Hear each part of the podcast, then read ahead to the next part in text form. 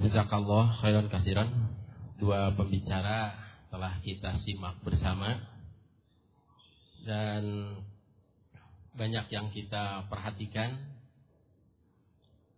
Sebenarnya kesimpulan yang saya ambil dari pembicara yang pertama yaitu Ustadz Abdul Hakim ternyata dalil-dalilnya sama dengan Persis tidak ada yang beda Bahkan saya memberi garis bawah ternyata salafi itu banyak Ustaz ya yang mengaku salafi itu. Iya. Bahkan ada salafi yang tidak bernama juga ada. Oleh sebab itu pada saat ini ada kesempatan sampai pukul 12 untuk bertanya kepada tiga orang salafi ini kebetulan berbeda kalau itu ketua kepalanya berbeda dengan Ustaz Abdul Hakim saya juga berbeda gitu. Sebab di sini juga diceritakan oleh uh, ketua umum Muhammadiyah dan Presis menyebarkan ajaran salafi. Saya tahu bahwa Ustaz Abdul Hakim juga anti bid'ah ya. Dalam risalah bid'ah itu ada 500 katanya gitu. Tetapi ada uh, yang dibid'ahkan oleh beliau tetapi dilaksanakan oleh Persis. Nah, di sana. Bahkan ada yang dibid'ahkan oleh Persis, tidak ada di sana. Nah, ini barangkali e, memerlukan pengkajian yang akan datang begitu. Nanti ini e, Ustadz jangan bosan-bosan nanti akan diundang lagi sebab untuk masalah ini banyak sekali. Kita bukan mencari perbedaan sebenarnya, tetapi kita ingin e, bersumber kepada Al-Qur'an dan As-Sunnah. Ya. E, selanjutnya Ya. Kami buka untuk termin pertama Al Ustaz Abu Rahman yang pertama. Yang kedua dari Banjar. Oh, dari Tasik ya. Maaf. Wahyu. Wahyu. Kawan, punya siapa? Iya, dari Kabupaten Bandung. Untuk sementara tiga saja, sebab tidak ada yang lain. Kesempatan pertama kami persilahkan kepada Ustadz Abu Rahman. Maaf di sini sebutnya Ustadz saja semuanya. Iya. Abu Rahman, uh, Mas Muwalid, Ustadz, Ustadz, Mas Muwaladik. Alhamdulillah, ilaha illallah, syukur Rasulullah. Uh, saya sebenarnya sangat menyambut baiklah diskusi ini karena judulnya juga sudah jelas mubahasah gitu. Jadi mungkin nggak satu kali dan tidak perlu di hotel di suatu waktu di masjid saja gitu. Itu ya. kan lebih enak kalau sambil buka buku gitu ya. Memang mungkin ini ada nuansa saja dari saya lah pada semuanya. Gini, saya sebenarnya sudah nulis bab salafi itu 16 tahun lalu gitu. Waktu itu diminta oleh ensiklopedia Islam uh, ketika saya dalam studi magister. Ya. Nah, kemudian saya tulis kira-kira Nah, ternyata kalau baca buku dari apa itu Wahmi Muhammad Abdul itu tersemangati gitu oleh yang namanya salafit. Jadi salafit itu begini, ini yang harus didefinisikan tuh ulang gitu kita itu harus mendalam sekali. Salafi itu kelompok atau manhaj itu ya, jadi itu itu persoalan penting. Tadi sebut manhaj salafi ya. Itu satu. Yang kedua, salafinya itu sumber hukum atau manhajiyah. Tadi sebut manhajiyah itu, manhajiyah salafiyah. Jadi sebenarnya ketika saya teliti pada waktu itu, Muhammad Abdul, kemudian juga ini jangan merasa bahwa saya ingin mengatakan yang menjadi pilar salafi setelah rahimahullah Syekh Muhammad Abdul Wahab adalah Muhammad Jamaluddin Afghani, kemudian ada yang disebut eh, Mahdiyah di Sudan, kemudian ada Sanusiyah di Afrika Utara, kemudian ada eh, Syekh apa yang ada di India, kemudian ada juga Jamaluddin Afghani, kemudian malah disebut di bukunya Wami itu sebagai uh, Muhammad Abu sebagai tokoh-tokoh yang itu salafi gitu ya. Jadi salaf ini saya artikan begini. Rasanya itu rasanya ada nggak eh, kelompok umat Islam sekarang khusus yang memiliki ormas-ormas paling tidak ya yang tidak menggunakan mazhab salaf gitu. Nah, ketika saya teliti ternyata itu mulai dari Al-Irsyad Muhammadiyah kemudian disambung dengan Pers itu menggunakan juga manhaj salaf. Buktinya apa gitu? Itu kan minta bukti juga. Kita itu punya kitab tuh ada dari Imam Malik, itu ada Imam Syafi'i, itu metode gitu ya. Jadi metode masa silam itu begitu. Metodenya eh, sahabat bagaimana, dilanjutkan oleh tabiin seperti eh, yang lain dilanjutkan oleh Imam Malik, tabi tabiin dilanjutkan oleh Imam Syafi'i, Imam Ahmad bin Hambal kemudian itu. Nah jadi saya jadi apa namanya rada Kenapa gitu? Mesti mesti ada semacam eh, perbedaan mencolok bahwa salafi yang ini bukan salafi. Padahal setahu saya itu dalam penelitian saya waktu itu ulama-ulama sekarang juga menggunakan manhaj salaf. Bagaimana saya tahu ulumul Quran, ulumul hadis, qawaidu tafsir, qawaidu tahdis, qawaidul hadis kalau tidak dari mereka itu metode itu. Dan ada bukunya. Peninggalan mereka dari salah ada uh, apa namanya al-ma'rifah. Ya. kemudian dari al-Ghazali juga ada gitu buku seperti Bukhari Muslim sudah jelas. Itu kan salaf kita menggunakan kritik sanad kritik matan itu juga salaf juga gitu digunakan oleh mereka ya jadi ini mesti didiskusikan ya jadi kalau bedaan fikih ya nggak pernah ada satu yang sama sebenarnya. Jadi ada memang produk-produk ijtihad dari salafus soleh itu yang berbeda. Buktinya apa?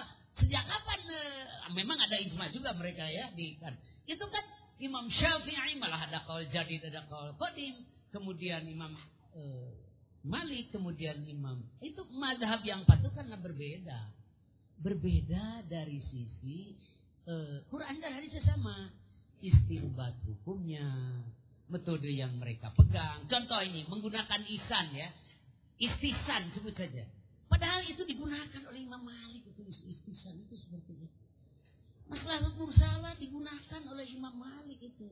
Tapi Imam Syafi'i sampai mengatakan wa man istahsana faqad syara wa manish wa man syarra faqad kafara. Nah ini di mana gitu? Mungkin ada perbedaan konsep ini. Istisannya Imam Syafi'i dengan istisannya Imam Malik. Masalah mursalahnya Syafi'i nanti dengan model masalah mursalahnya Imam Malik dan juga Imam Malik. Jadi eh, saya kira ini pengembangan berpikir ini dan kalau perlu mubahasa ini ia tidak dalam biar ya kalau secara khusus jadi kita punya itu ya. Jadi ini maksud saya. Jadi bahwa versi saya sudah menggunakan manhaj salaf Mana bisa istinbat? Kita kan ambil dari Imam Syafi'i risalah di situ ada Al-Mustasfa, ada Irsyadul Fuhul di situ. Kemudian nah ini jadi jadi sudah pakai juga sebenarnya. Cuma produk istihadnya yang berbeda nanti. Ya. Nah itu jadi kalau uh, jadi mungkin nah saya nggak paham nih. Nanti mohon jawaban aja. Kenapa seolah-olah yang yang merasa salafi itu aku gitu, yang lain bukan salafi. Nah itu persoalannya. Punten ya terus terang saja ya. Gitu. Kok ngan abdi wungkul di salafi teh punten yang tidak bisa bahasa Sunda. nah abdi wungkul batur ente. Itu kan. Jadi harus dicatat bahwa Muhammadiyah itu Al-Irsyad, setahu saya ini. Kemudian Persis, PUI, malah, mohon maaf nih PUI yang kan salaf itu intinya harakatul islah, itu intinya. Perbaikan itu. Perbaik Islam apa? Islahul akidah, Islahul ibadah, Islahul muamalah. Nah ini persoalan. Nah Islahul muamalah apa? Nah ini sekarang yang paling repot Islahul muamalah misalnya. Apa publik ini benar apa tidak? Apa kerajaan benar? Apa kan itu jadi persoalan fikih siasa fikih itu? Atau fikih siasa. Jadi menurut saya sendiri ini bagus kalau diskusi itu terus di apa dilakukan. Walaupun tidak banyak orangnya terbatas gitu. Sebab tuker ilmu sudah ada dari dulu. Itu kalau saya. Jadi supaya te mahal nyangariung we jam 10 di masjid sebelum sholat zuhur bahasa fikih nah di sini masalahnya fikih pak jadi fikih ini yang itu jadi kalau tadi bicara mazhab salafnya ya saya tidak terus terang saja kami itu sepakat seperti itu dalam arti kita menggunakan metode mereka juga. Istinbat hukum itu kan dari sana. Di produk fikih gak pernah ada yang sama sekali mi'ah fil mi'ah muwafikun ala araihi wa intaji fikih itu tidak pernah Ustaz, ada. Mohon maaf. Pasti di situ Ustaz. ada al farq, iya. al furuk fikih. Pun tadi saya dalam. Terima kasih. Assalamualaikum warahmatullahi wabarakatuh.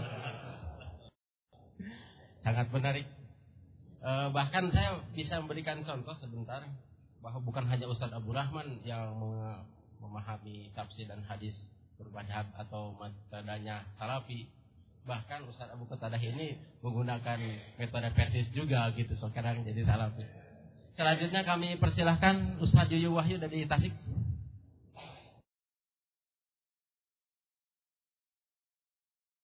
Bismillahirrahmanirrahim. Terima kasih pada kesempatannya. Eh, saya langsung menyoroti dari apa yang disampaikan oleh Al Ustadz Abu Qatadah tentang tiga poin tadi. Secara prinsip pada dasarnya yang berkaitan dengan rujukan dalam Islam yakni Al-Quran, Sunnah, Ijma dan Kias. Ini di Persis juga sama prinsipnya seperti itu. Hanya ada satu hal yang perlu saya tanyakan di sini. Pertama berkaitan dengan ijma. Nah ini yang dimaksud dengan ijma e, model Ustadz itu apakah ijmanya ijma ulama atau ijma sahabat nah itu ya ijma salafi nah kemudian kalau yang kalau misalnya ijma sahabat juga termasuk di dalam ijma ulama juga termasuk di dalamnya e, yang akan saya tanyakan di sini adalah siapa yang dimaksud dengan ulama menurut menurut Salafi gitu. Apakah seperti ulama-ulama kayak Muhammad Abdul, kemudian eh, Syekh Rashid Ridho dan yang lain-lainnya itu juga termasuk dalam kategori ulama apa tidak gitu. Dalam hal ini mungkin yang saya tanyakan itu lebih cenderung kepada kriteria ulamanya sendiri itu menurut Ustaz seperti apa. Eh, itu yang pertama. Kemudian yang kedua ada uh, poin yang tadi ditanyakan berkaitan dengan apakah setiap yang menggunakan Quran dan Sunnah itu pasti tidak akan sesat selamanya. Kalau saya yang ditanya itu pasti jawabannya iya. Kenapa? Saya melihatnya pada isyarat-isyarat ini sebenarnya sudah ada baik di dalam kitabullah, di dalam sunnah Rasul. Seperti misalnya eh, dalam hadis juga Rasulullah sudah mengisyaratkan tarok tukikum amroini ma'in tamasaktum bihima tabilu abada kitabullah wa sunnatan nabiyyi. Nah itu jadi itu sudah sudah ada isyarat sebenarnya selama kita berpegang teguh menggunakan Al-Quran dan Sunnah Rasulullah tidak pakai embel-embel apa-apa langsung menggunakan kalimat tidak akan sesat selama-lamanya. Nah kalau Ustadz tadi e, masih diancam dengan kesesatan apabila pertama tidak mengetahui terhadap dalil syara yaitu namanya tidak menggunakan teh nukitu teh. Kemudian yang kedua eh, tidak memahami terhadap metodologi. Sebenarnya isyarat-isyarat terhadap penggunaan metodologi di dalam Quran dan Sunnah itu sudah ada bahwa untuk memahami, memahami kitabullah dan sunnah Rasul kita mesti menggunakan metodologi itu. Jadi artinya kalau tidak menggunakan metodologi seperti apa misalnya menafsirkan Quran, tafsir biriwayahnya, tafsir bidiroyahnya itu termasuk dalam metodologi yang digunakan dalam menafsirkan Quran. Selama metodologi itu nggak dipakai, artinya tidak mungkin juga kita kitabullah bisa digunakan dalam e, tatanan praktisnya. Jadi e, sesuai dengan isyarat tadi, ma intamasaktum bihi mapalan tadilu abada, kalau tidak memahami peringkat perangkat-perangkat metodologi itu namanya belum menggunakan kitabullah dan sunatin nabiyihi sehingga sesat itu terjadi. Kemudian dalam menyikapi perbedaan-perbedaan itu sendiri, kita melihat e, meskipun tadi Ustadz mengatakan perbedaan hanya sedikit, tapi setidak-tidaknya ini bisa digarisbawahi. Kenapa perbedaan itu mesti bisa muncul? Nah, kalau saya lebih memahami kepada e, melihat kepada satu kaidah al hukmu yaduru ma'al ilah misalnya hukum itu e, berjalan sesuai dengan ilat, dengan sabab, dengan tempat juga itu mempengaruhi. Maka dalam hal ini kita mengambil juga fatwa ulama. Hanya kita lebih cenderung melihat ketika ulama A mengeluarkan sebuah fatwa, kita lihat kenapa ulama ini mengeluarkan fatwa seperti ini. Jadi sebenarnya kita juga pakai metodologi dengan cara mengambil apa yang disampaikan para ulama salaf. Hanya kita cenderung tidak hanya melihat kepada produk jadinya saja. Tapi dari sisi metodologi kenapa juga mesti mengeluarkan produk semacam ini. Nah ini juga kita jadikan sebagai bahan kajian. Nah nampaknya gaya di Persis Ustaz seperti itu. Jadi mengambil fatwa ulama itu tidak hanya menelan produk-produk jadi itu, tapi dilihat pula kenapa ulama-ulama ini bisa menghasilkan iya. produk-produk. Ya, disingkat saja, tidak dijelaskan lagi. Ah, iya, ya itu ajalah barangkali ah, iya. yang saya tanyakan. E, mudah-mudahan mafhum. Terima kasih. Wassalamualaikum warahmatullahi wabarakatuh. Nanti ada satu lagi. Ini barangkali versi Ustadz Yuyu. Mudah-mudahan sama dengan versi yang lain. E, yang terakhir Ustadz Denanang dari Kabupaten Bandung. Terima kasih atas waktu yang diberikan. Saya membaca temanya mengungkap gerakan salafi di Indonesia. Dengan demikian penjelasan dari Ustadz tadi bahwa ternyata salafi itu bermacam-macam. Tentu kami pun perlu mengetahui. Uh, kurang jelas Ustaz apa ya? Oh iya. Kurang keras, kurang tadi. ya. ya. Jadi temanya mengungkap gerakan salafi di Indonesia. Dengan demikian tadi ada penjelasan bahwa salafi itu berbeda-beda. Kemudian bagi kami agar bisa jadi pegangan, andaikan kami melihat ada perbedaan seperti yang diungkapkan tadi bahwa saya kalau tidak salah menangkap tidak akan dinyatakan sebagai salafi yang sebenarnya apabila memahami Quran dan Sunnah tanpa mengikuti manhaj sahabat dalam memahami Quran Sunnah itu. Kemudian terjadi perbedaan seperti tadi yang ungkapkan. Abu Bakar dan Umar tidak melaksanakan azan qobla Jumat tetapi ketika Utsman bin Affan melaksanakan. Pertanyaan saya, bagaimana sikap salafi yang sebenarnya untuk mengikuti paham dari yang kedua kudanya adalah sahabat. Apakah mengikuti Utsman bin Affan atau mengikuti Abu Bakar dan Umar? Lalu yang kedua pertanyaan saya, Apakah yang mengikuti Abu Bakar dan Umar itulah yang menjadi ciri salafus salihin atau yang mengikuti cara Utsman bin Affan? Itulah di antaranya yang saya pertanyakan. Kemudian yang terakhir, apakah kita bisa menetapkan dan menentukan bahwa selamatnya firqah itu apabila kita mengikuti paham, pendapat dari sahabat yang ternyata apabila terjadi perbedaan kita harus bersikap diam seperti tadi tidak menambahkan apakah kita bersikap diam itu yang dimaksud tidak mengikuti kepada salah satu atau tidak menambah ini mengikuti salah satu itulah di antaranya mungkin cukup mudah saja Terima kasih. Eh, barangkali sudah dapat dipahami. Untuk kesempatan pertama Ustaz dimohon untuk menanggapi atau menjawab. Alhamdulillah Rabbil Alamin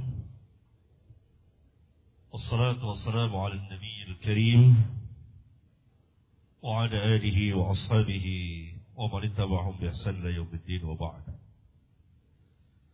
Dari tiga penanya maka izinkan saya untuk membuat kesimpulan ternyata ketiga penanya tidak dapat membedakan pembicaraan kita pada hari ini. Inti daripada pembicaraan kita pada hari ini. Mengenai as-salaf. Mengenai manhaj salaf. Dan orang-orang yang menisbahkan diri kepada manhaj salaf. Bukan permasalahan fikhiyah, ijtihadiyah yang memang Islam memberikan keluasan. Seperti ditanyakan bagaimana kisah sikap salaf yakni antara azan Utsman dan Abu Bakar. Ini pertanyaan yang sangat lucu. Karena tidak masuk ke masalah manhaj. Demikian juga permasalahan fikih yang lain. Di mana para sahabat beristihad satu dengan yang lain. Contohnya dalam bab faraid. Itu sangat luas sekali. Khilaf para sahabat. Tetapi dalam manhaj, sikap dan cara beragama dan akidah, tidak ada khilaf di antara mereka. Pertama, semuanya percaya bahwa azab kubur hakun. Gak ada yang mengatakan bahwa ada azab kubur. Yang satu mengatakan tidak ada azab kubur. Takdir hak ada. Usaha manusia pun hak. Kalau ditanya, Ain Allah, di mana Allah? Ar-Rahman wal ars istawa. Ar-Rahman di atas ars, dia bersemayam. Allah memiliki wajah? Iya. Wa yabqa wajhu rabbika dhul jalali wal ikram. Yang tidak serupa dengan wajah makhluknya. Yang sesuai dengan kebesaran dan kemuliaannya. Tidak ada khilaf di antara ulama. Di antara para sahabat. Pengambilan dasar hukum Alkitab dan Sunnah. Mereka sangat membenci bid'ah. Dan seterusnya. Nah, ini permasalahan-permasalahan fikhiyah. Yang juga terjadi khilaf di antara para sahabat. Bahkan terjadi khilaf yang lebih daripada itu. Sampai terjadi perang di antara mereka. Dalam perang Jamal dan perang Siffin. Tetapi apakah mereka bertafarruq iftirak dalam manhaj? Tidak.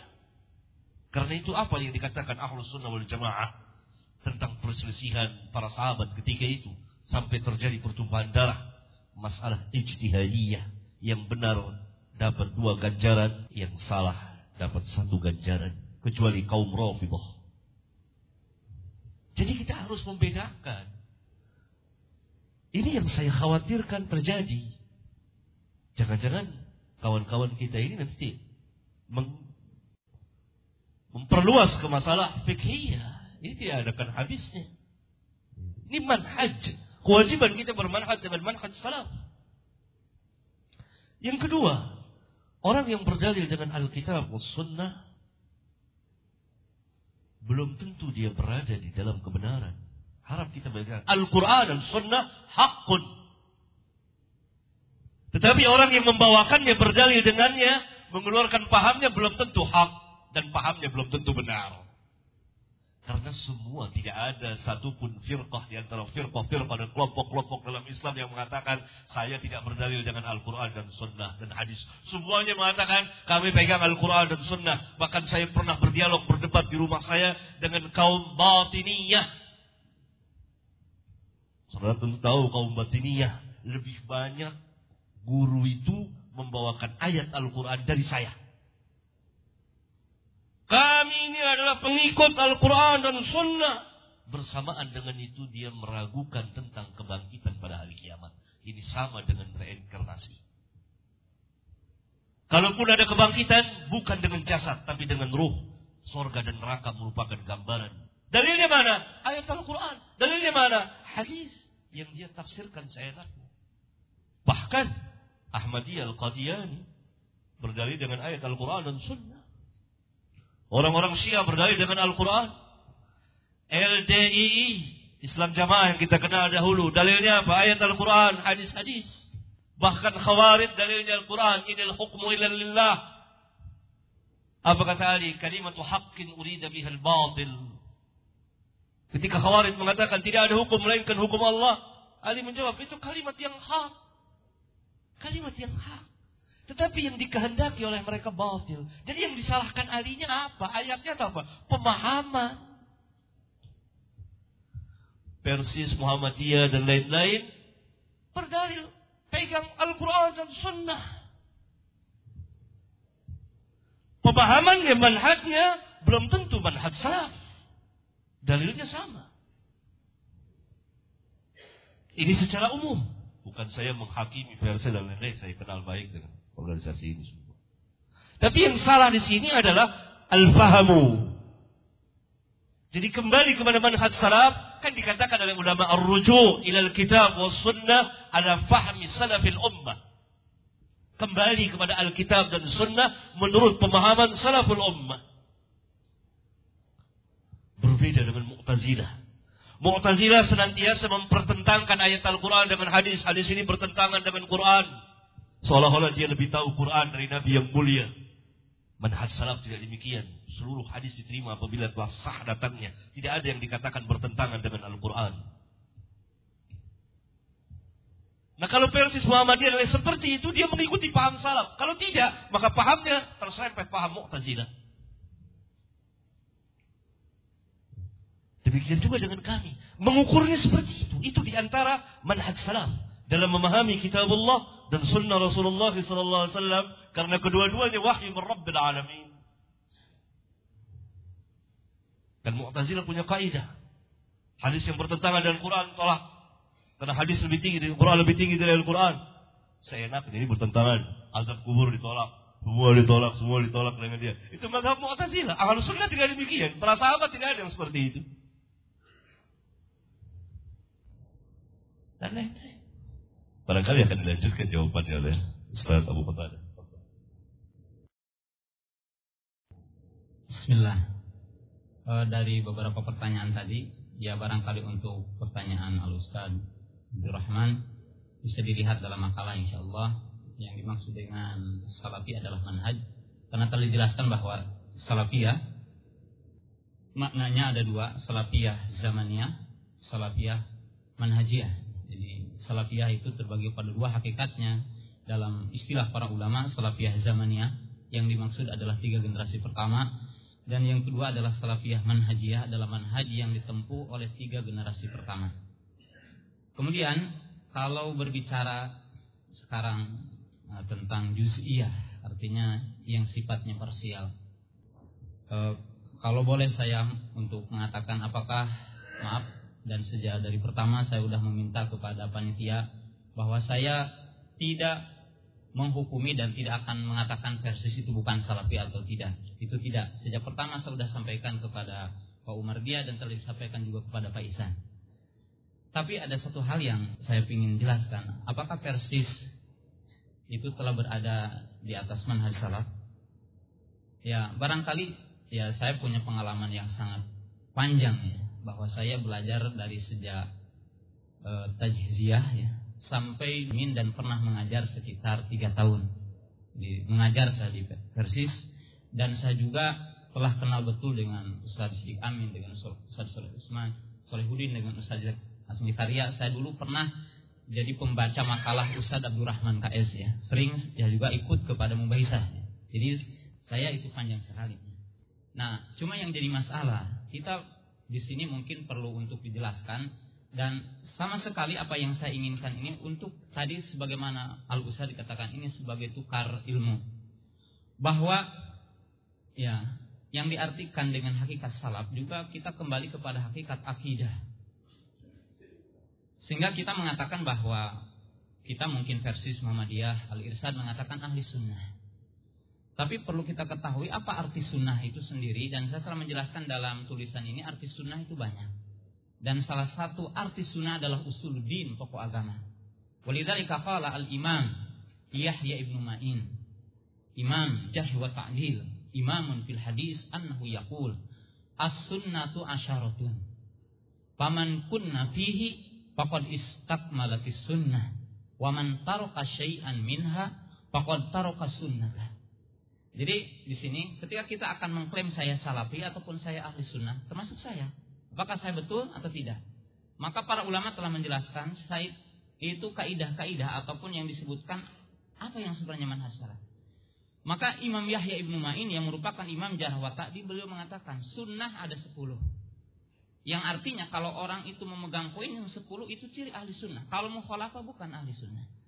Karena beliau mengatakan barang siapa yang ada poin sepuluh padanya maka dia sempurna sunnahnya. Barang siapa yang meninggalkan salah satunya maka dia telah meninggalkan sunnah. Apa yang dimaksud dengan ini? Dia merinci. Yang pertama adalah isbatul qadari.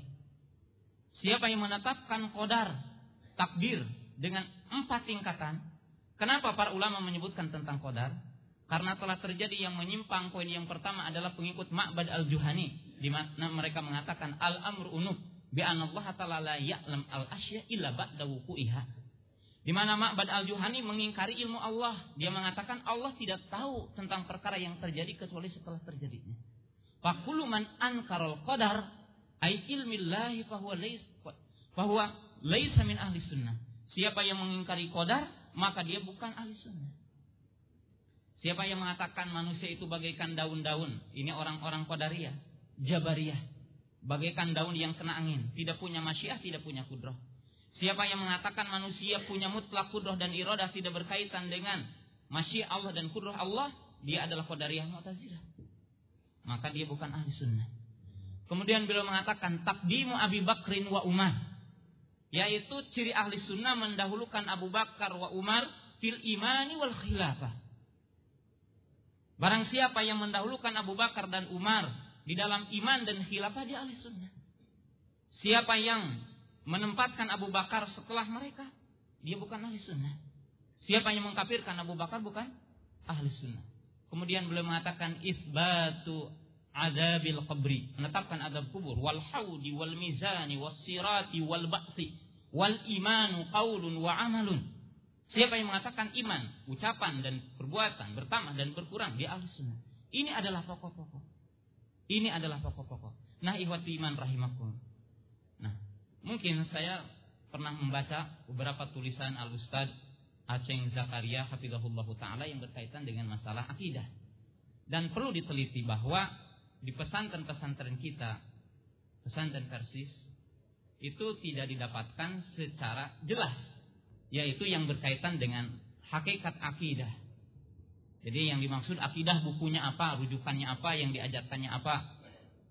Nah, ini perlu kita pahami. Jadi yang dimaksud di sini usul. Yang dimaksud di sini adalah pokok yang berkaitan dengan tadi poin-poin yang tadi. Kemudian poin-poin yang lainnya yang sebenarnya tadi sudah dijawab oleh Ustaz Abdul Hakim Hafizahullah taala dan ini adalah pokok-pokok yang sangat jelas ya dijelaskan oleh para ulama tentang ciri firqatun najiyah. Iwatu iman rahimakumullah dalam tulisan saya di ujungnya itu ada Toriqo ahli sunnah fil istidlah atau manhaj ahli sunnah fil, istidlal. Jadi cara ahli sunnah dalam berdalil. Ini yang dimaksud dengan manhaj. Kalau kita simpulkan dalam buku-buku para ulama, penjelasan Syekhul Islam Ibnu Taimiyah, Imam Masyatibi, Imam Ibnu Qayyim, Imam Ibnu Katsir, Imam Az-Zahabi dan seluruh para ulama, maka bisa dikumpulkan cara beristidlal itu kepada lima poin. Yang pertama, ar-ruju ilal kitab wa sunnah. Kembali kepada Quran dan sunnah. Tapi caranya bagaimana? kembali kepada Quran dan Sunnah dijelaskan dalam buku ini. Pertama memahami asal dohir, tidak mentakwilnya, tidak menyelewengkan maknanya, tidak memisahkan antara Quran dengan Sunnah, tidak memisahkan antara mutawatir dengan hadis ahad, tidak mempertentangkan Sunnah dengan Al-Quran. Kenapa? Karena Sunnah akan menjelaskan Quran. Saya telah jelaskan bahwasanya Sunnah kedudukannya ada tiga. Ima menjelaskan makna Al-Quran, ima menguatkan hukum Al-Quran, Ima dia datang dengan hukum yang tidak disebutkan dalam ayat Al-Quran. Dan ini ijma kata Imam Syafi'i rahimahullah ta'ala. Nah, kemudian yang kedua apa? Bahwa memahami Quran dan Sunnah dengan kaidah yang tadi yaitu fahmu syarah. Ini yang kedua. Yang ketiga adalah apa? Takdimu nakal alal akal. Mendahulukan nakal terhadap akal. Ini ciri ahli sunnah. Lianna Ali ibn Abi Thalib yaqul, "Laukana dinu bi ra'yi." Kalaulah agama itu dengan akal, maka mengusap khuf itu akan bawahnya. Kemudian dijelaskan oleh para ulama di sini menunjukkan bahwa tidak boleh orang beramal dalam Islam dengan akalnya. Kemudian yang keempat adalah mengembalikan nas-nas yang mutasyabih yang samar kepada yang muhkam. Kepada yang jelas maknanya sehingga di situ adalah bersatu maknanya. Dan yang terakhir adalah al-jam'u bainal adillah fi kulli mas'alatin. Mengumpulkan dalil dalam setiap masalah. Ini kaidah ataupun manhaj di dalam apa? Berdalil. Dan kalimat yang terakhir yang tadi ditanyakan bagaimana dengan para sahabat dan sebagainya. Nah, kita katakan jika yang dimaksud dengan ijma maka tidak diragukan lagi seperti dinyatakan oleh Imam Asy-Syafi'i rahimahullahu taala kemudian dikatakan oleh muridnya Imam Ahmad, Imam Syafi'i rahimahullahu taala bahwa ijma yang muktabar fi amrain. Ijma yang muktabar itu dalam dua perkara. Yang pertama di dalam perkara-perkara yang maklumun bidorurah yaitu perkara-perkara yang maklum seperti sholat empat rakaat, sholat duhur, sholat asar empat rakaat, sholat maghrib tiga rakaat, sholat subuh dua rakaat, kemudian mengatakan sholat wajib, saum wajib, itu tidak ada orang kecuali akan mengatakan apa? Wajib. Yang kedua, berkata Imam Ahmad rahimahullah taala, jika ada orang mengklaim ada ijma, fakad kadab, maka dia telah dusta. Yang dimaksud kata Imam Ahmad rahimahullah taala adalah ijma setelahnya para sahabat radhiyallahu taala anhum dan tadi telah disebutkan telah membaca arisalah telah membaca irsadul fuhul dan sebagainya dan kalimat yang terakhir ikhwatu iman rahimakumullah yang jelas kebenaran berada di mereka. Jika seandainya berselisih, maka kebenaran ada dalam salah satu di antara mereka. Perhatikan perkataan Imam Asy-Syafi'i rahimahullah taala, al ilmu arba'u darajat. Ilmu ada empat tingkatan kata Imam Syafi'i rahimahullah taala. Al kitabu was sunnatu wal ijma'u Kemudian beliau mengatakan, apabila mengatakan salah seorang sahabat, kemudian tidak ada yang menyelesihinya, dia ijma. Dan yang keempat beliau mengatakan, idah talafu. Apabila mereka berselisih, nahtar bima huwa akrabu ila dalil. Apabila mereka berselisih, maka pilihlah salah satu di antara akwal mereka dengan yang paling mendekati kepada dalil. Jadi tidak ada perkara yang tidak ada di mereka. Barangkali itu. Barangkali saya bisa tambahkan. Para ulama telah membuat kaidah yang ma'ruf di kalangan kita. Khususnya para pelajar dan ahli ilmu. Apa kata para ulama? Lau kana khairan lasabakuna ilaihi. Kalau sekiranya perbuatan itu baik, tentu para sahabat telah mendahului kita dalam mengamalkannya. Kaidah ini dibuat oleh para ulama bahwa kita tidak boleh meyakini satu keyakinan, mengerjakan satu pun perbuatan, mengatakan satu pun perkataan yang berkaitan dengan dinul Islam tanpa didahului oleh para sahabat ridwanullah alaihim jami'an. Sebab kalau perbuatan itu baik, tentu para sahabat telah mendahului kita. Saya Ambil contoh misalnya Al-Hafidh Ibn Kathir rahimahullah taala dalam menafsirkan ayat wa alaysa lil insani illa ma sa'a. Ia membawakan perkataan Imam Syafi'i wa Imam Syafi'i berdasarkan ayat yang mulia ini beristinbat mengeluarkan hukum bahwa bacaan Quran tidak sampai kepada pahalanya tidak sampai kepada mayit dan seterusnya. Kemudian diterangkan, karena masalah pembacaan Quran kepada mayit itu tidak pernah dinukil oleh Rasulullah, tidak pernah dinukil dari Rasulullah SAW, tidak pernah dianjurkan oleh beliau, tidak pernah dikatakan oleh seorang pun sahabat. Kemudian beliau membawakan kaidah ini, laukana khairan lasabakuna ilaihi. Saya telah menulis satu kitab yang ini merupakan barangkali makalah saya dalam majelis yang mulia ini dengan judul laukana khairan lasabakuna ilaihi tapi kitab ini saya bawa satu nanti akan saya hadiahkan kepada Bapak uh, Ketua untuk uh, dibaca. Dia mengenai manhaj para sahabat ridwanullah alaihim jami'an. Kemudian yang kedua perkataan Syekhul Islam Ibn Taimiyah rahimahullah taala yang mewakili perkataan para ulama yang lain. Man adala an madhahib as-sahabah والتابعين وتفسيرهم إلى ما يخالف ذلك كان مخطئا في ذلك بل مبتدعا وإن كان مجتهدا مغفورا له خطأه. ونحن نعلم أن القرآن قرأه الصحابة والتابعون وتابعوهم وأنهم كانوا أعلم بتفسيره ومعانيه كما أنهم أعلم بالحق الذي ba'athallahu bihi rasulahu. Yang artinya, barang siapa yang berpaling dari madhab sahabat dan tabi'in dan tafsir mereka kepada yang menyelisihinya, maka dia telah salah bahkan sebagai ahli bid'ah. Kalau dia sebagai mujtahid, maka akan diampuni kesalahannya.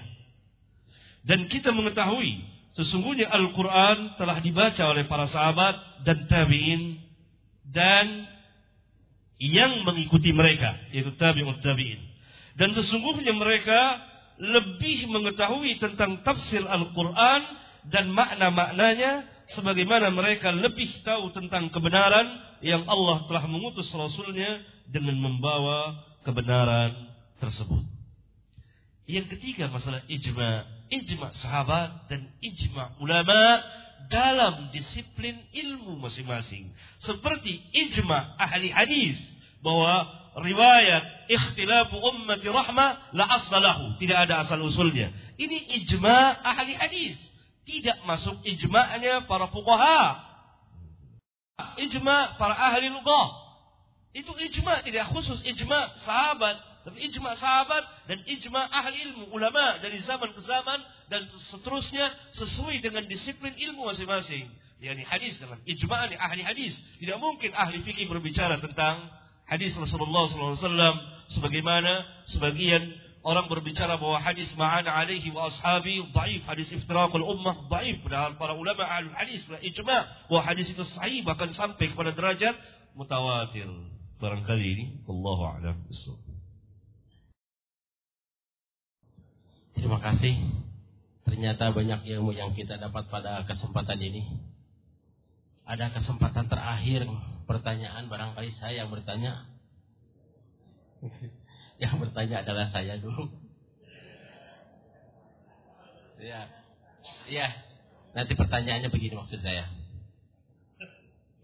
Uh, saya uh, kami di PW Persis itu bermula dari beberapa masalah yang kami temukan di jamaah atau di cabang-cabang Persis di antaranya di uh, Ciamis ya di uh, itu Jakarta bukan Jawa Barat Pak.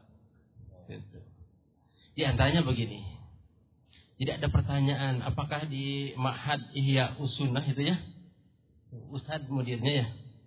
Ada sekretarisnya ya, ada ada bagian-bagian yang lain. Kalau Ustaz dari yayasan apa atau yayasan atau apa enggak ada. Oh pengajar biasa, tapi ada mahadnya. Enggak ada enggak ada namanya ya. Oh enggak. Oh enggak, enggak punya mahad gitu. Oh iya, nah itu.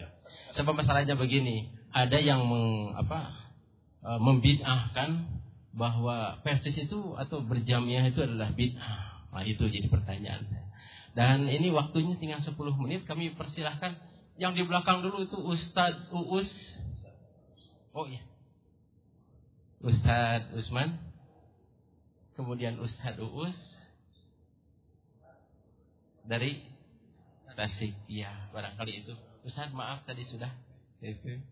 Kami persilahkan Ustadz. Kita manfaatkan waktu yang sesingkat-singkatnya. Terima kasih.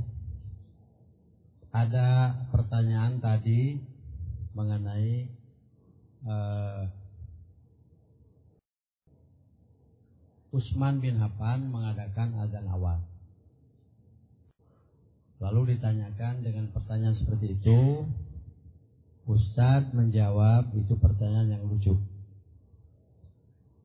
Saya akan melanjutkan kelucuan ini. Pertama, sepakat bahwa tidak ada sahabat yang menetapkan sesuatu kecuali ada dalam Quran dan Sunnah. Begitu kan? Nah sekarang saya tanya, Usman bin Affan mengadakan adan awal, itu dalilnya apa? Itu dulu. Untuk yang kedua, Ustadz Us dulu. Ustadz yang di belakang itu yang Sarifan siap-siap saja supaya menghemat waktu. sebelah sana. Terima kasih atas waktunya. uh, kawan-kawan kita tadi sudah mengungkapkan mengenai approach-approach yang harus dijadikan pegangan untuk memahami manhaj salafus salih. Kalau orang yang berquran dan bersunnah saja tidak ala fahmi salafus salih, begitu aku ala fahmi sahabah, itu bisa tersesat. Maka saya bisa menyatakan bahwa orang yang mengikuti manhaj salaf pun bisa tersesat. Karena fahmus sahabah pun ditulis ataupun barangkali diungkapkan dalam bentuk bahasa Arab.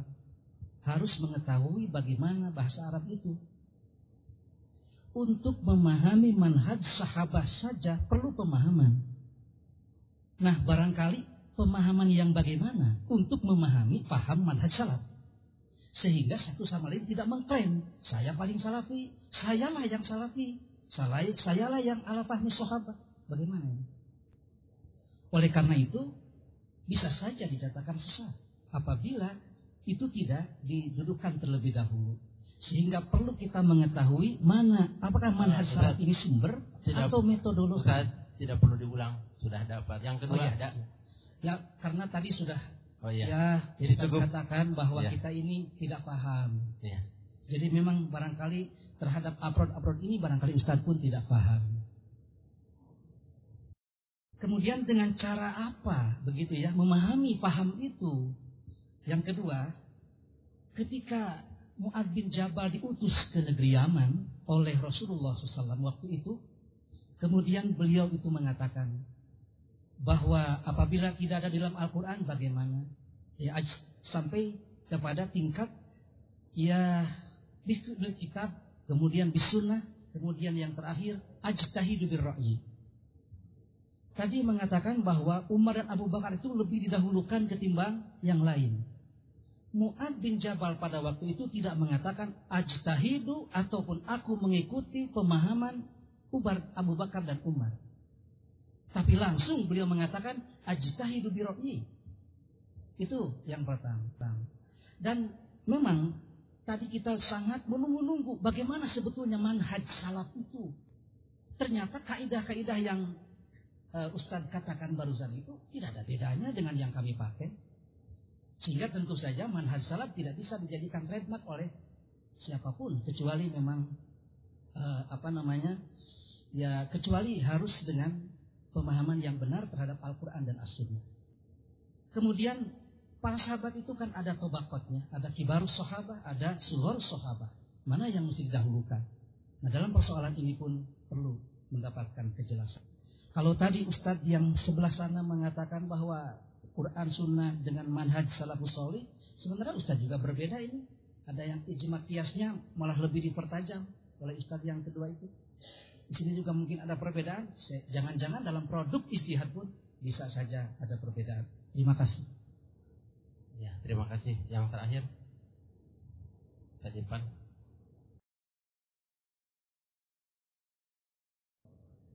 Terima kasih atas waktunya. Mudah-mudahan pertanyaan saya ini disinyalir tidak menyimpang dari pembahasan. Karena tadi disebutkan oleh Al Ustaz Abu Qatada bahwa manhaj salafi itu universal, mencakup berbagai aspek. Nah, nah Afwan. Karena tadi Ustaz Abu Qatada uh, mengatakan bahwa manhaj salafi atau ahlus sunnah atau firqah najiyah itu universal, mencakup berbagai aspek dan sendi kehidupan yang menyentuh manusia.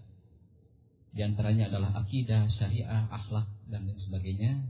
Maka pertanyaan saya pun akan uh, berkaitan dengan hal-hal yang tadi. Yang pertama terkait dengan akidah. Tadi saya mendengar dari Al Ustaz uh, Abdul Hakim, Hafizahullah, bahwa masalah furu'iyah, ikhtilaf di kalangan para sahabat itu pernah terjadi. Sedangkan di dalam masalah akidah atau tauhid itu semuanya sama. Sepakat semuanya. nah, yang saya tanyakan ikhtilaf itu ada asbabnya dan sumbernya dan di antaranya adalah nas itu sendiri. Di dalam ayat Al-Quran banyak nas-nas yang menjadi multi e, pemahaman yang berbeda. Termasuk di antaranya adalah masalah tauhid, masalah akidah. Seperti umpamanya yadullah ma'al jamaah dan lain sebagainya. Nah yang saya tanyakan sejauh mana dalam menetapkan kaidah bahasa untuk memahami nas-nas yang terkait dengan tauhid. Umpamanya seperti apakah bisa memakai majaz atau tidak. Itu di antaranya. Yang pertama. Kemudian yang kedua, uh, Ustadz Abu Qatada tadi menyentuh masalah fikih. Yang beliau katakan bahwa al-adilatul ahkam asy-syar'iyyah al-muttafaq alaih arba. Bahwa dalil-dalil hukum syar'i yang sepakat itu ada empat. Pertama adalah Al-Quran, As-Sunnah, sahabat, e, kemudian ijma as-sahabah as-sahihah wal qiyas sahihah. Nah, yang ditanyakan bagaimana manhaj ahlu sunnah wal jamaah atau salafi atau firqah anajiyah mengenai yang enam itu? Al-mukhtalaf alaih. Contohnya seperti al-maslahatul mursalah dan lain sebagainya. Karena itu terkait dengan kondisi tempat zaman dan uh, adat istiadat menurut para penyusun kitab uh, usul fikih. Itu yang kedua. Kemudian yang ketiga, ini terkait dengan fikih wakil. Fikih uh, Ini harus dibatasi waktunya. Jadi uh, oh, disimpan barangkali ini yang terakhir barangkali ya. Yang ya. terakhir. Bagaimana manhaj salaf tentang kepemimpinan, tentang khilafah, tentang umara, konsepnya begitu dan bagaimana kedudukan ormas-ormas yang ada di Indonesia ini menurut pandangan manhajus salaf. Barangkali itu yang saya sampaikan. Terima kasih dan saya mohon maaf jika banyak kesalahan. Aku lupa lihat. Astagfirullahaladzim. 12 dan ini pertanyaannya sampai pukul 12 ini sangat uh, semangat kita sepakati tuntas tidak tuntas 10 menit. Iya, kami persilakan. Alhamdulillah saya mengucapkan terima kasih atas perhatian yang begitu besar dari saudara-saudara sekalian. Uh, pertama bahwa berdasarkan Alkitab dan Sunnah dan Ijma' Dan ini pembahasan yang sangat luas sekali yang memerlukan waktu yang cukup panjang dan tadabbur yang baik dan membahas kutubul ulama bahwa manhaj salaf adalah manhaj yang hak. La raiba fihi. Wajib atas setiap muslim bermanhaj dengan manhaj salaf ini manhaj satu metode. Atau cara beragama dan kembali kepada Alkitab dan Sunnah. Karena Rasulullah sallallahu alaihi wasallam di banyak hadisnya telah menjelaskan tentang manhaj sahabat. Saya ambil contoh Silahkan saudara-saudara membuka kitab Sahih Muslim di bagian kitab zakat. Di situ ada bab khusus mengenai pembicaraan dengan khawarij. Di mana sejumlah hadis-hadis Rasulullah, bahkan sebagian ulama mengatakan hadis-hadis yang mutawatir. Sebagai firqah yang pertama kali muncul dalam Islam. Yang sangat sesat dan menyesatkan. Bahkan Rasulullah SAW mengancam akan memeranginya, membunuhnya. Kalau beliau menjumpai zaman mereka yang ternyata keluar pada zaman Ali dan diperangi oleh Ali bin Abi Thalib. Di dalam lafaz-lafaz hadis-hadis khawarij, maka dikatakan bahwa para sahabat, beliau bersabda kepada para sahabat, salat kamu dibandingkan dengan salat mereka, siam kamu dibandingkan dengan siam mereka, kamu akan meremehkan salat kamu dan siang kamu. Ini mengandung pelajaran yang sangat tinggi di mana Rasulullah SAW membedakan mana manhaj yang hak dan mana manhaj yang batil. Sepakat kita bahwa khawarij adalah balun mutil. Sesat dan menyesatkan. Di banyak hadis Rasulullah SAW dijelaskan. Dan ciri-ciri khawarij jelas sekali. Dan Rasulullah SAW membuat satu perbandingan, tafriq, perbedaan Mana manhaj yang hak dengan manhaj yang yang yang batil dengan diukurnya antara khawarij dengan sahabat dibandingkannya antara sahabat dengan khawarij. Khawarij sepakat kita. Tidak ada seorang pun muslim yang mengatakan bahwa khawarij itu berada dalam kebenaran. Nggak ada. Hatta Rafidah yang menjadi musuh utama khawarij. Ini ini yang harus kita perhatikan dan pelajari kembali. Dan Khawarij mempunyai dalil dari Al-Quran dan hadis-hadis Rasulullah SAW. Walaupun mereka tidak memakai seluruh hadis Rasulullah SAW. Yang kedua, bahwa manhaj salaf tidaklah mengatakan bahwa para sahabat itu afrodnya maksum. Tidak. Tidak ada yang mengatakan. Bahwa para sahabat bebas dari kesalahan dan dosa. Tidak. Kalau afrod orang per orang, pendapat di antara mereka bisa salah dan bisa benar. Kalau bertentangan dengan Al-Quran dan Sunnah, tentu diambil Al-Quran dan Sunnah. Kenapa sebabnya? Barangkali belum sampai keterangan kepada mereka. Dan ini diterangkan dengan luas sekali oleh para ulama. Di antaranya silakan saudara membaca di Majmu' Fatawa Syekhul Islam, saya kira di perpustakaan Persis ada kitab ini di bagian kitab usul fikih oleh Syekhul Islam di situ ada judul Raf'ul Malam 'anil A'immatil A'lam.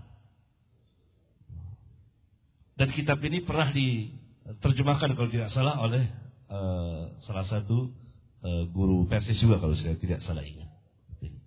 Di situ dijelaskan perkataan-perkataan perbuatan sahabat yang belum sampai kepada mereka hadis Rasulullah sallallahu alaihi wa ala alihi wasallam. Oleh karena itu Al-Imam Ahmad usulnya berpegang dengan kitab sunnah dan berpegang dengan fatwa para sahabat kecuali kalau di antara mereka terjadi khilaf maka diambil yang akrab yang lebih dekat kepada Alkitab dan sunnah Rasulullah sallallahu alaihi wa alihi wasallam. Tetapi ijma mereka yang kita bicarakan satu manhaj secara keseluruhan mengenai perjalanan kehidupan para sahabat di dalam beragama di mana Rasulullah SAW mengatakan ma'ana alaihi liyawm wa ashabi ini yang kita bicarakan intinya ijma orang itu saya tanyakan para sahabat tidak pernah berselisih dalam cara beragama.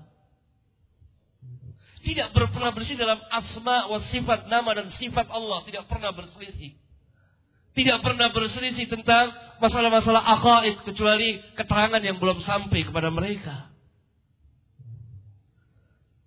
Berbeda dengan yang ini yang kita bicarakan secara keseluruhan. Bukan afrodnya, ijtihad masing-masing di antara mereka. Itu telah terjadi khilaf. Kalau terjadi demikian kan sudah jelas bagi kita. Fa in tanaza'tum fi syai'in farudduhu ila Allah war Rasul. Namun apabila ada dua pendapat di antara para sahabat, maka kita tidak boleh menciptakan pendapat yang ketiga. Ini ijma ulama yang diwakili oleh para ulama seperti Imam Syafi'i dan lain-lain. Karena kebenaran tidak keluar dari situ. Salah satunya ada yang benar, ada yang salah. Barangkali ini kalau masih ada waktu, tiga empat menit. Kalimat yang terakhir insya Allah hari ini. Yang intinya ikhwatu iman rahimakumullah. Bahwa ketika orang itu mengklaim ahli sunnah ataupun salafi. Maka tentunya apa yang dia ucapkan, apa yang dia perbuat, apa yang dia amalkan harus sama dengan salafus saleh akidatan wa ibadatan wa muamalatan wa siyasatan wa akhlaqan. Ihwatu iman rahimakumullah.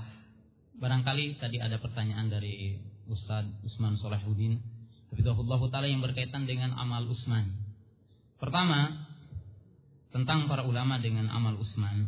Apakah amal Usman tidak berdalil? Ihwatu iman rahimakumullah. Usman ibnu Affan dalam fikih itu dikenal ada dua yang para ulama memberikan apa penjelasan dan penelitian terhadap amal Utsman. Pertama, Utsman ibnu Affan itu pernah melakukan sholat empat rakaat ketika dia safar. Yang tentunya Rasul dan para sahabat itu melakukannya dua rakaat. Dan yang kedua, bahwasanya Utsman ibnu Affan radhiyallahu taala anhu melakukan adzan dua kali. Nah, kalau ditanyakan apakah Utsman ibnu Affan radhiyallahu taala berdalil, tentunya berdalil. Karena perlu kita pahami, Adan asalnya adalah al-i'lam lis salat. I'lam memberitahu untuk salat. Kemudian kalau tadi yang dikatakan ada istilah masarul mursalah dan sebagainya, maka di kalangan ahli sunnah dan di kalangan salafiyun memakai akan tetapi dengan kaidah-kaidah yang benar dengan kawaid-kawaid yang dibenarkan. Lalu yang berkaitan dengan amal Usman, apakah kita mengikuti amal Usman melakukan adzan dua kali? Ikhwatu iman rahimakumullah. Jika kita melakukan amal Usman, bahwa ma'jur insyaallah bidalili qauli Nabi sallallahu alaihi wasallam, "Alaikum bisunnati wa sunnatil khulafai ar-rasyidin al-mahdiyyin." Jika kita mengamalkan amal Usman, yaitu adzan dua kali ketika hari Jumat, insyaallah ma'jur, mendapatkan pahala. Dengan sebab Nabi telah memberikan legalitas kita mengikuti ijma dan apa yang dilakukan oleh imam yang empat. Akan tetapi Ihwatu iman rahimakumullah. Adanya bagaimana? Kalau kita ingin mengikuti adanya Utsman dan itu merupakan ijma para sahabat pada waktu itu tidak ada yang menyelisih kepada Utsman, maka lakukanlah adanya sebelum waktu sholat, yaitu adanya dua kali. Dan jika kita tidak melakukannya tidak sebab itu mahaja berkaitan dengan ilah. Kalau tadi dikatakan al hukmu yaduru ilah, kita juga memakai itu atau ahli sunnah kalau salafiyun memakai itu. Tapi ilah yang mana? Ilah sahihah, ilah yang benar. Ilah yang benar. Kemudian jika dikatakan tadi, apakah orang yang kembali kepada salafus soleh akan salah? Tob'an. Li'annal insan biru maksum. Tidak diragukan lagi bahwa orang yang kembali kepada manhaj salaf akan salah. Akan tetapi ihwatu iman rahimakumullah. Al khata'u naw'an. Wuku'ul insani al khata'u naw'an. Orang itu terjerumus kepada kesalahan dengan sebab dua perkara. Dan itu disepakati oleh para ulama, disebutkan dalam kitab para ulama. Yang pertama, imma nasyiatan an itiba'il hawa. Imma dia itu salah karena mengikuti hawa nafsu, maka ini mubtadi namanya. Wa amma al khata bisababi istihad, famajurun indallah. Kalau orang itu salah karena istihad dan dia telah memiliki manhaj yang sama kembali kepada Al-Qur'an dan Sunnah. Dengan lapad-lapad bahasa yang benar, kembali kepada lugoh, kembali kepada koidah-koidah, tentang umum khususnya, tentang mutlak dan muqayyadnya, kemudian dia salah, tidak ada yang pernah tidak salah. Bahkan Imam Syafi'i mengatakan, Alhamdulillah, segala puji bagi Allah, yang di muka bumi ini tidak ada kitab yang tidak ada dikritik kecuali Al-Quran. Jadi tidak ada satu kitab, satu perkataan yang tidak ada kritikan kecuali Al-Quran. Bahkan Imam Syafi'i rahimahullahu ta'ala, kaulan, Imam Syafi'i ada dua ucapan. Tapi ingat kalimat yang terakhir, ikhwatu iman rahimah. Bahwa seluruh agama telah dilaksanakan oleh mereka. Perkara agama tidak ada sedikit pun yang tertinggal. Karena Nabi telah menyempurnakannya. Artinya telah menjelaskannya. Jangankan berbicara tentang negara, jangan berbicara tentang organisasi tadi. Berbicara tentang kuasa dijelaskan oleh Nabi. Al-yaum akmaltu lakum dinakum wa atmamtu alaikum nikmati wa raditu lakum al-islam. Maka sesuatu agama yang tidak ada pada waktu dulu, hari ini tidak boleh. Maka intinya ikhwatu iman rahimakumullah. Tadi ada pertanyaan dari Ustaz Intinya gimana? Kita tanya, apakah kita mengatakan iman kepada Allah seperti imannya para sahabat? Apakah kita beriman kepada kodo dan kodar sama seperti keimanan para sahabat? Apakah kita beriman kepada adab kubur seperti imannya para sahabat? Apakah kita beriman kepada malaikat seperti imannya para sahabat? Sebab kalau kita tafsir, orang beriman kepada malaikat iman, tapi bagaimana? Mereka mengatakan malaikat, sebagian orang mengatakan hanya ruh hasan. Ruh kebaikan, bukan jasad. Ini sesat. Orang mengatakan setan bukan jasad, dia beriman kepada setan. Tapi seperti apa berimannya kepada setan? Artinya adanya setan. Ada yang mengatakan cuma perasaan buruk, tidak biasa. Nah berarti ihwatu iman rahimakumullah. Mari kita hari ini, ataupun untuk seterusnya, kita menimbang. Apakah ucapan iman kita kepada Allah, kepada malaikat, kepada koda dan koda, kepada adab kubur, berkaitan dengan sikap kepada para sahabat, berkaitan dengan ciri-ciri hari kiamat, seperti yang dikatakan mereka? Jika sama, maka tidak ada pengklaiman. Sebab tentunya ihwatu iman rahimakumullah. Ketika orang mengatakan salafi, bukan berarti yang lain tidak salafi. Seperti saya mengatakan anak muslim, tidak mengatakan yang lain tidak tidak muslim. Wal amru sahlu. Perkaranya udah. Dan ketika saya mengatakan anak al alaman salaf, saya berada di atas manhaj salaf bukan berarti versus Muhammadiyah dan yang lainnya tidak. Tapi saya mengikuti manhaj salaf. Sebab dikatakan oleh Imam bin Taimiyah rahimahullah taala, tidak ada celaan bagi orang yang nampak kepadanya mazhab salaf untuk mengikutinya dan menisbatkan kepadanya sebab tidak ada yang dikatakan oleh ulama salaf kecuali kebenaran. Barangkali itulah yang bisa disampaikan dalam kesempatan yang mulia ini. Insya Allah di lain kesempatan mungkin kita akan bertemu atau kita lanjutkan kembali dengan poin-poin yang lain.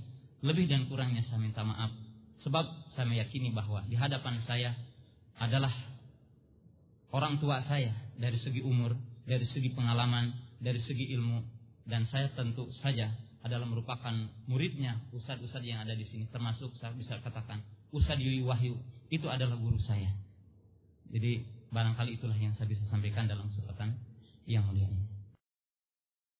Jazakumullah khairun kasiran kita telah mendapatkan ilmu yang banyak baik dari pemateri maupun dari penanya dan mubahasa ini jelas tidak akan memuaskan semua pihak dan kita masih membutuhkan ilmu-ilmu yang lain. Mudah-mudahan mubahasa ini sebagai uh, pemicu untuk mubahasa selanjutnya. Uh, disepakati kita berkumpul lagi pada pukul 1 pukul 13 dikarenakan masjidnya sebelah sana itu sempit jadi bisa ada yang sholat dulu atau yang makan dulu gitu. Dan sampai di sini insya Allah kita bertemu lagi nanti pada pukul satu. Aku lu kali hada wa astagfirullah li wa lakum rabbana atina fid hasanah wa fil akhirati hasanah Wassalamualaikum warahmatullahi wabarakatuh.